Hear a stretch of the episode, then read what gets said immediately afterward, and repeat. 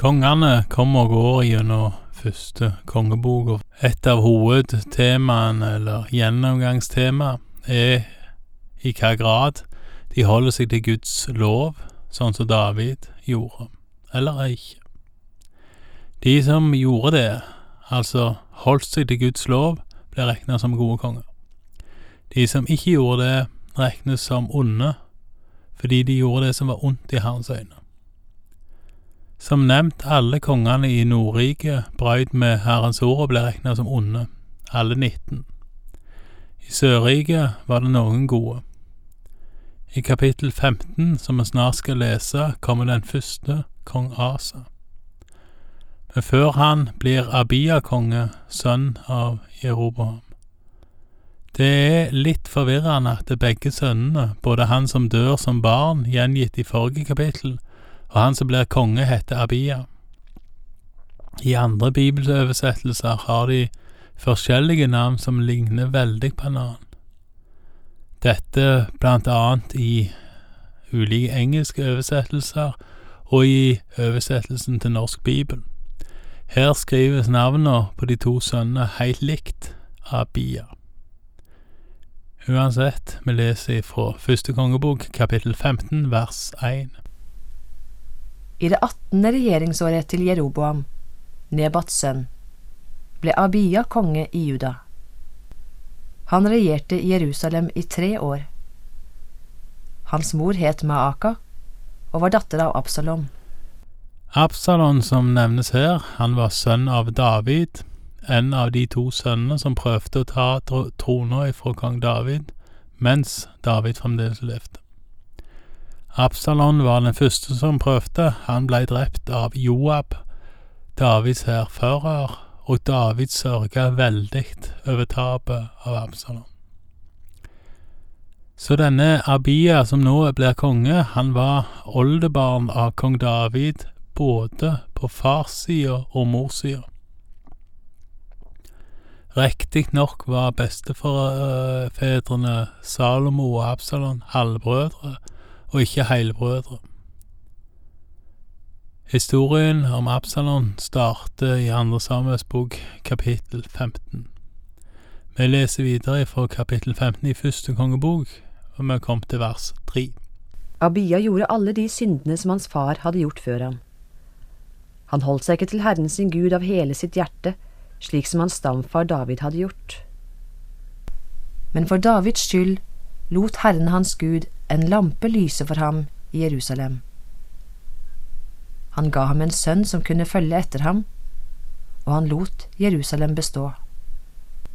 For David gjorde det som var rett i Herrens øyne. I hele sitt liv vek han ikke av fra noe av det som Herren hadde befalt ham, unntatt den gangen han syndet mot hetitten Uria. Hele tiden var det krig mellom Abia og Jeroboam. Det som ellers er å fortelle om Abia og alt han utrettet, står skrevet i judakongenes krønike. Mellom Abia og Jeroboam var det krig. Så gikk Abia til hvile hos sine fedre. De gravla ham i Davidsbyen, og hans sønn Asa ble konge etter ham. Igjen så gjentas det at David er standarden, og at det er for Davids skyld at Herren lar en lampe lyse for han i Jerusalem. La oss òg legge merke til at det var krig imellom Abia og Jerobam, altså imellom Sørriket, Juda, Nordriket, Israel. En forferdelig borgerkrig der bror slåss mot bror, men som òg er det òg svært belastende siden begge riker blir mer sårbare for ytre fiender. Det gjentas og gjentas gjennom hele Bibelen at israelsfolket er mest sårbare når de er i strid med seg sjøl og ikke følger Herrens veier. Rett etter at riket blir delt, som er gjengitt i kapittel tolv, så står det at eh, Rehabean sender en stor hær for å angripe Nordriket Israel, men det står at en profet, Shemaya, fikk de ifra det. Denne forhindringa av borgerkrig varte altså ikke så veldig lenge, For nå leste vi nettopp at eh, sønnen til Rehabeam, Abia, var i krig med Jeroboam. Så dør Abia, og Asa blir konge. Og vi leser ifra vers 9 om den første gode kongen.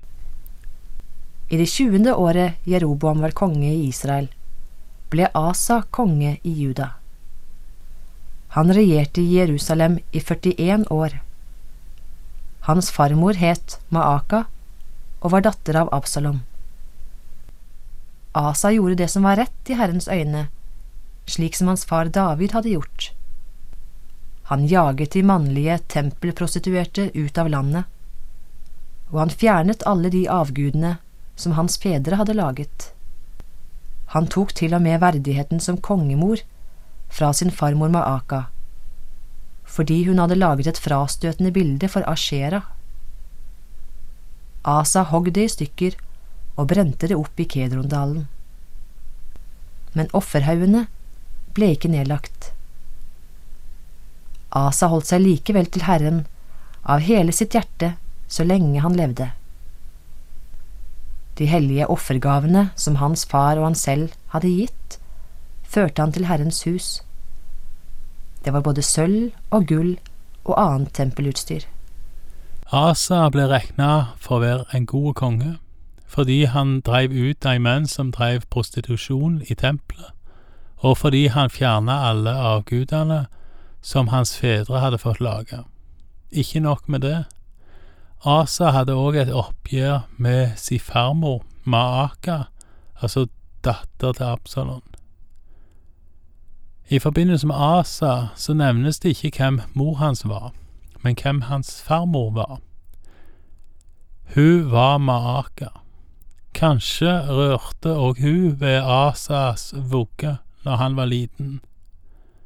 Men her var det i så fall ikke sånn at det er den som rører vugga, styrer verden, for her bryter i alle fall Asa med sin trulig mektige farmor og tar ifra henne verdigheten og hogger i stykker og brenner opp hennes avgudsbilde. Men offerhaugene, de ble ikke nedlagt, og det må vel bety at det folket ofra til avgudene sjøl om kongen fulgte Herrens, Herrens ord. Vi leser videre fra vers 16. Hele tiden var det krig mellom Asa og Basha, kongen i Israel. Israelskongen Basha dro opp mot Juda og befestet Rama, for at ingen skulle få komme til eller fra kong Asa i Juda. Da tok Asa fram alt sølvet og gullet som var igjen i skattkamrene, både i Herrens hus og i kongens borg. Han ga det til tjenerne sine og sendte dem til aramerkongen Ben-Hadad, Tabrimons sønn og Heshons sønnesønn, som bodde i Damaskus. De skulle si til ham, Det er en pakt mellom meg og deg, som det var mellom min far og din far. Her sender jeg deg en gave av sølv og gull. Bryt nå den pakten du har med israelskongen Basha, så han må dra bort fra meg. Det som skjer her, må kunne regnes for å være ganske spesielt. Kong Asa i Juda og Basha i Israel er i krig i borgerkrig.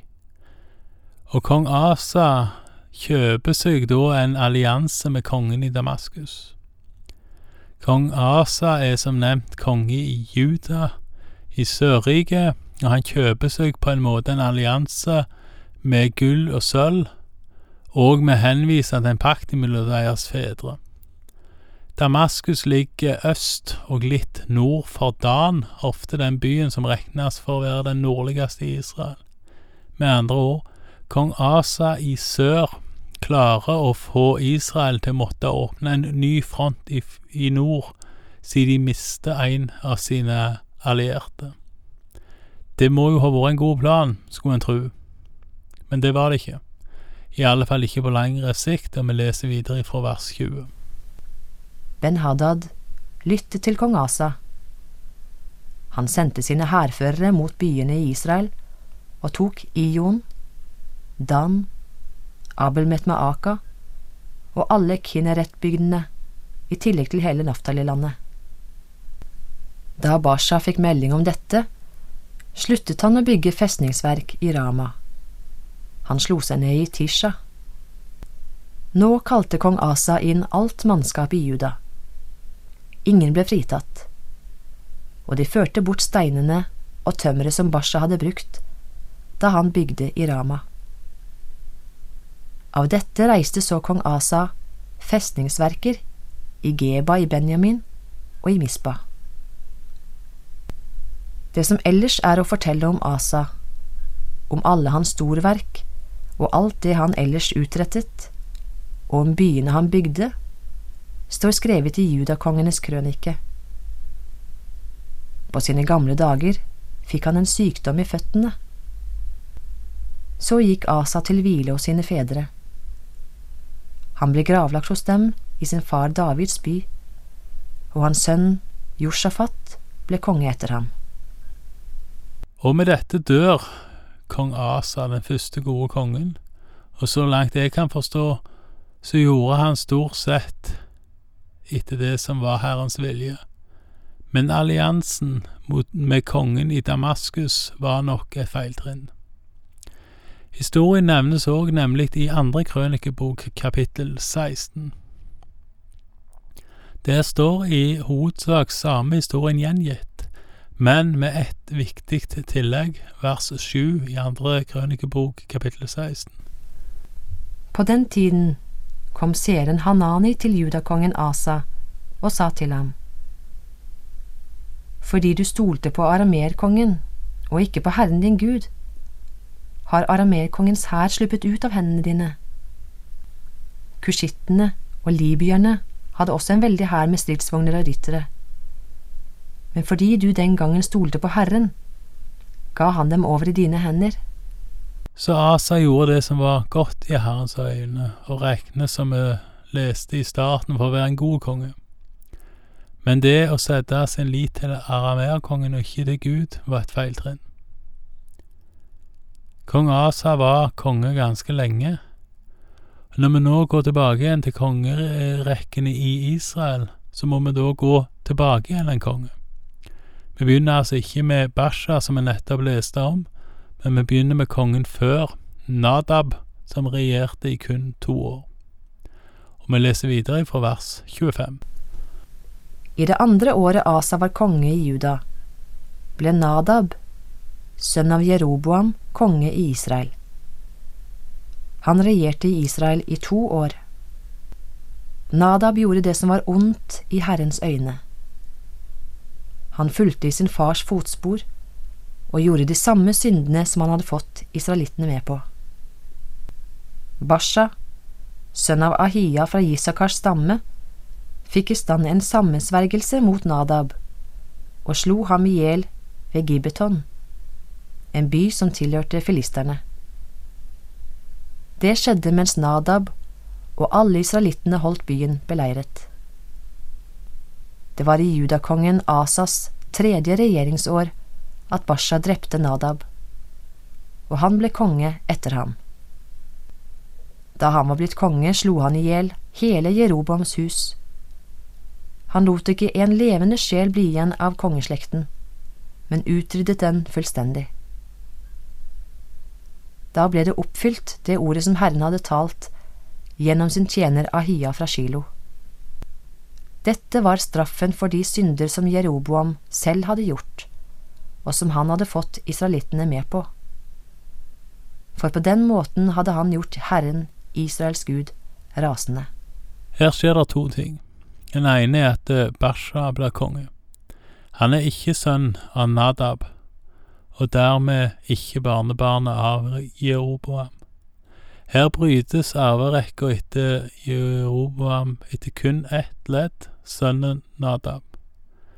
Det skjer aldri i Juda, og det er viktig.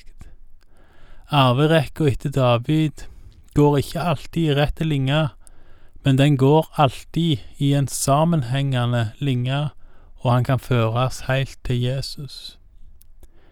Etter Jesus brytes òg den arverekka, men da vil Guds løfte til David ifølge kristen tro være oppfylt. Det andre som skjer i det vi nettopp leste, med at arverekker brytes, er at det fryktelige domsordet som profeten Akia bar fram når Jeroboams kone kom til han, det domsordet oppfylles. Vi leser videre fra vers 31. Det som ellers er å fortelle om Nadab og alt det han utrettet, står skrevet i israelskongenes krønike. Hele tiden var det krig mellom Asa og Basha, kongene i Israel. I det tredje året Asa var konge i Juda, ble Basha, sønn av Ahia, konge over hele Israel. Han regjerte i Tisha i 24 år. Basha gjorde det som var ondt i Herrens øyne. Han fulgte i Jeroboams fotspor og gjorde de samme syndene som han hadde fått israelittene med på. Og Basha gjorde det som var ondt i hans øyne. Og Basha skal det gå ille med. Det virker nesten som det går ille med alle kongene, enten de er gode eller dårlige. Enten de er gode eller onde. Det får vi komme tilbake igjen til. Takk for i dag, og Herren være med deg.